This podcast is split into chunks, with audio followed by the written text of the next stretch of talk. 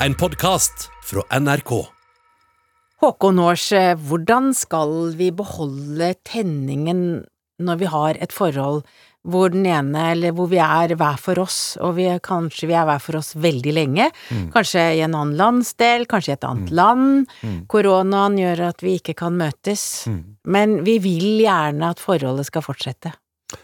Ja, det altså Dette er jo et kjempeaktuelt tema, Hege, og veldig aktuelt for veldig mange. Jeg holdt på å si Det var jo Det er ikke pga. korona var aktuelt for deg, men dere, du har jo bodd i avstandsforhold lenge, så du vet jo hvordan det er før du gikk inn og, og, og holdt på å si gjorde det ordentlig offentlig og giftet deg. Men eh, det er jo mange Denne pandemien gjør jo at eh, folk eh, ikke er atskilt fordi det er, fordi det er naturlig, men fordi det, en epidemi gjør at det blir atskilt. De kan ikke møtes.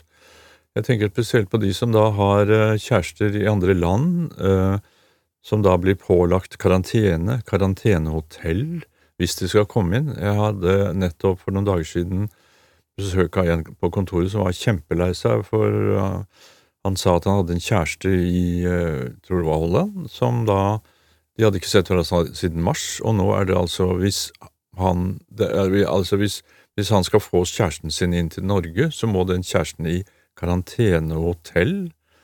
Og da er jo liksom de ti dagene av de 14 dagene ferien brukt opp, så det er bortkasta. Så nei, det er vanskelig å bare også innad i Norge også, bo hvert vårt sted med nye forskjellige regler. Ja, dette er en spesiell tid, Hege. Veldig. Mm. Blir folk desperate? Noen blir ganske desperate, og noen mennesker blir faktisk så desperate at de blir deprimerte og fortvilte og lei seg, og kontakter sånne holdt på å si, personer som meg, da, altså terapeuter, psykiatere, psykologer, for fordi det vekker jo opp eh, gamle, vonde følelser, kanskje fra barndommen, eh, i forbindelse med ensomhet, eh, traumer, som vi kaller det, altså vanskelige perioder, som gjør at denne pandemien, når man blir atskilt på den måten og uten å ville det, så vekker det opp en sånn følelse av å ikke være verdt noe, følelse av å være alene, eh, og kjenne seg helt alene, og, faktisk så blir deprimerte. Helt unge mennesker også, men ikke minst i min aldersgruppe, eldre mennesker, blir veldig isolerte og alene. Mm.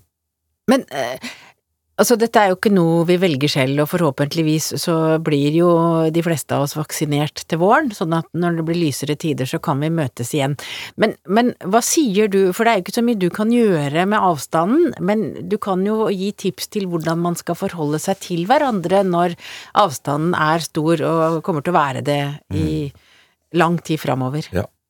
Jeg prøver da med mitt begrensede kunnskapsnivå i forhold til det digitale nettverket å si at eh, så langt jeg vet, så er det jo dette med f.eks. Facebook, Messenger, der kan man ringe og snakke gratis.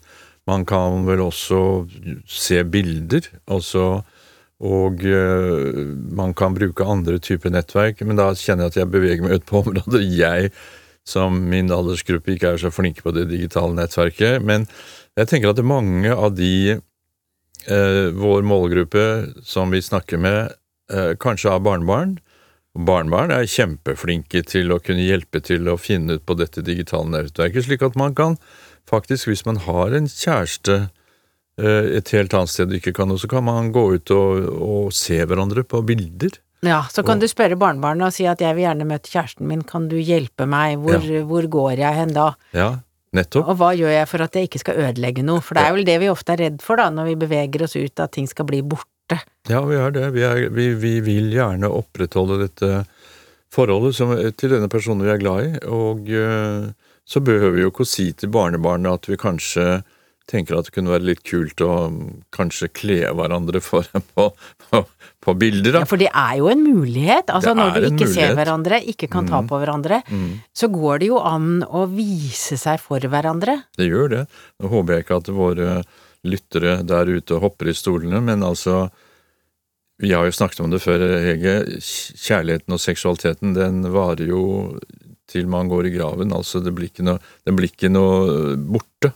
Og det er viktig å dele den delen også. Dele den delen av å, å være så intim man kan med hverandre.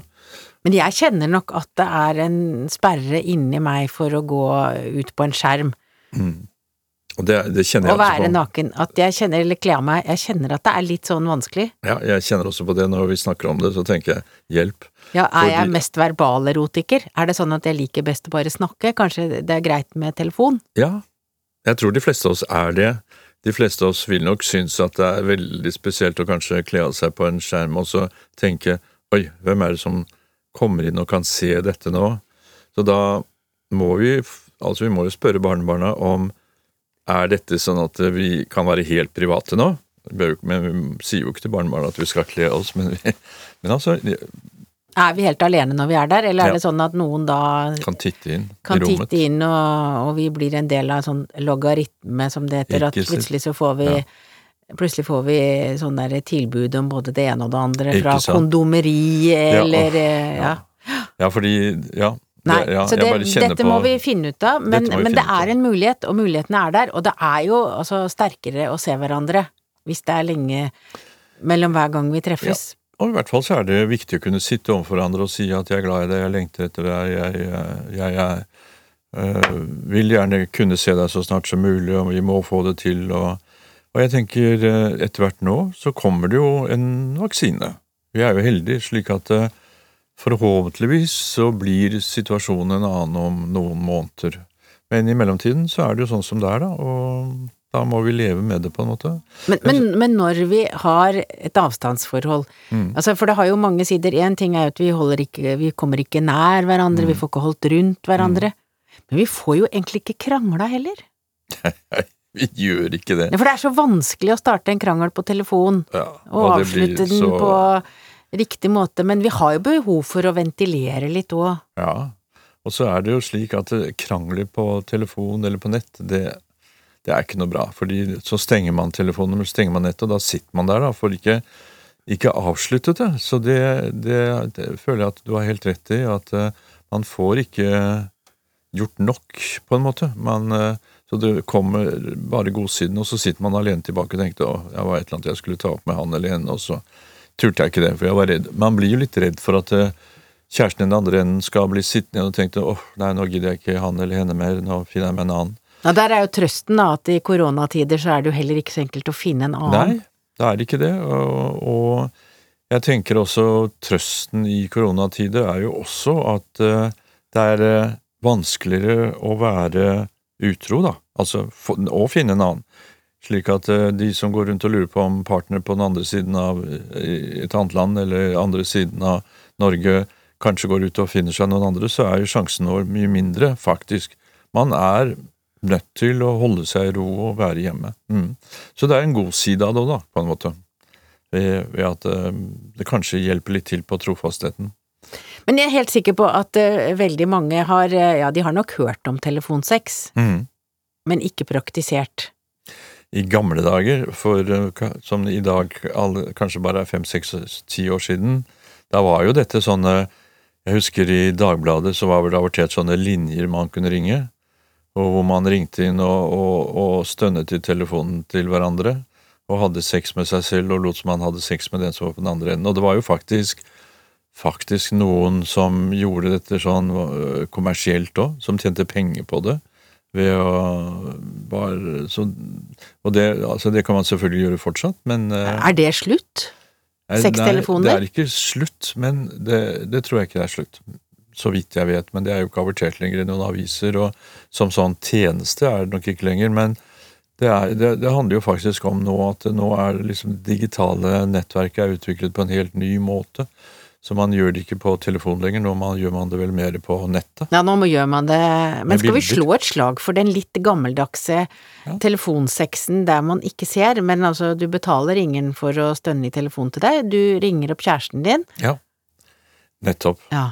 Og man kan si mye hyggelig, og mye sensuelt, og mye erotisk, og mye seksuelt også, for den saks skyld. Men Eh, kanskje du har en veldig prippen kjæreste, så syns det er ubehagelig hvis du begynner å bli litt sånn eh, grov.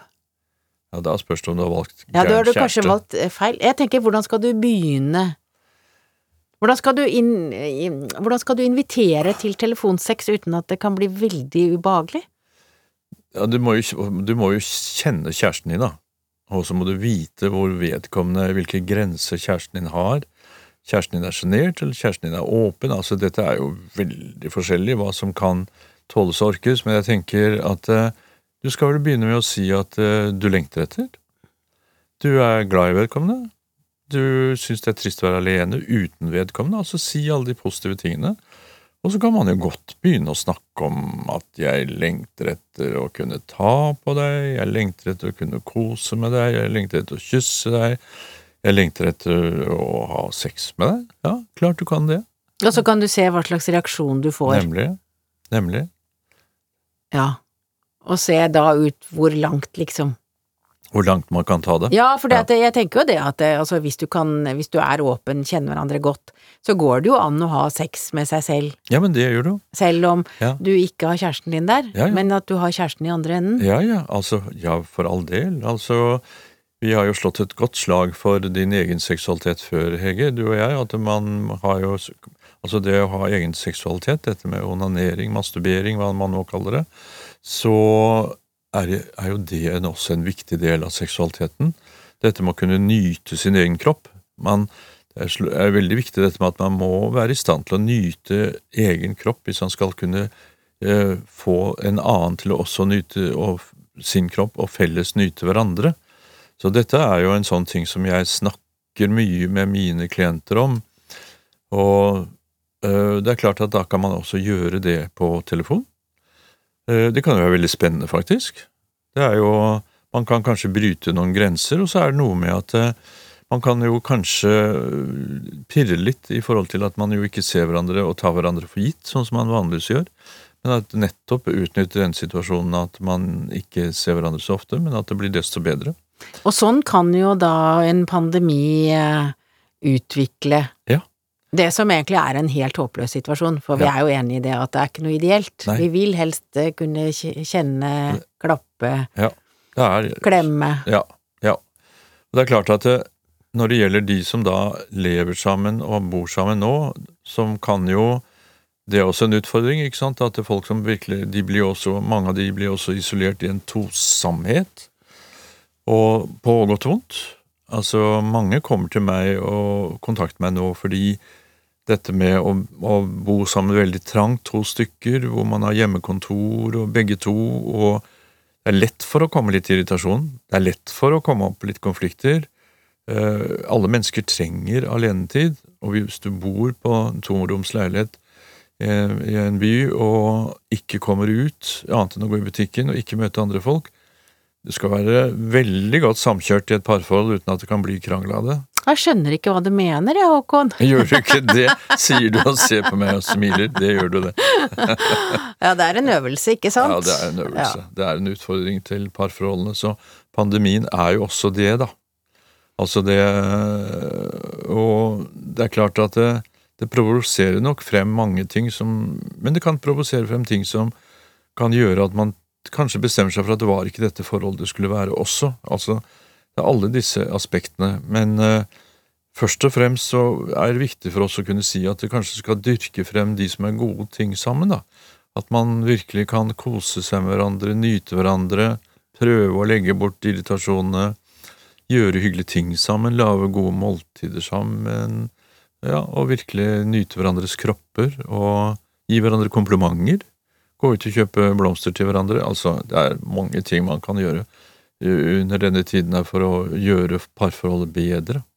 Men jeg tenker at det er viktig at vi gjør at vi er oppmerksom på at det kan bringe frem krangler og vanskelige sider. Mm. Det er viktig at vi tar vare på hverandre enten vi er sammen eller eh, vi er sammen eh, på lang avstand. Veldig.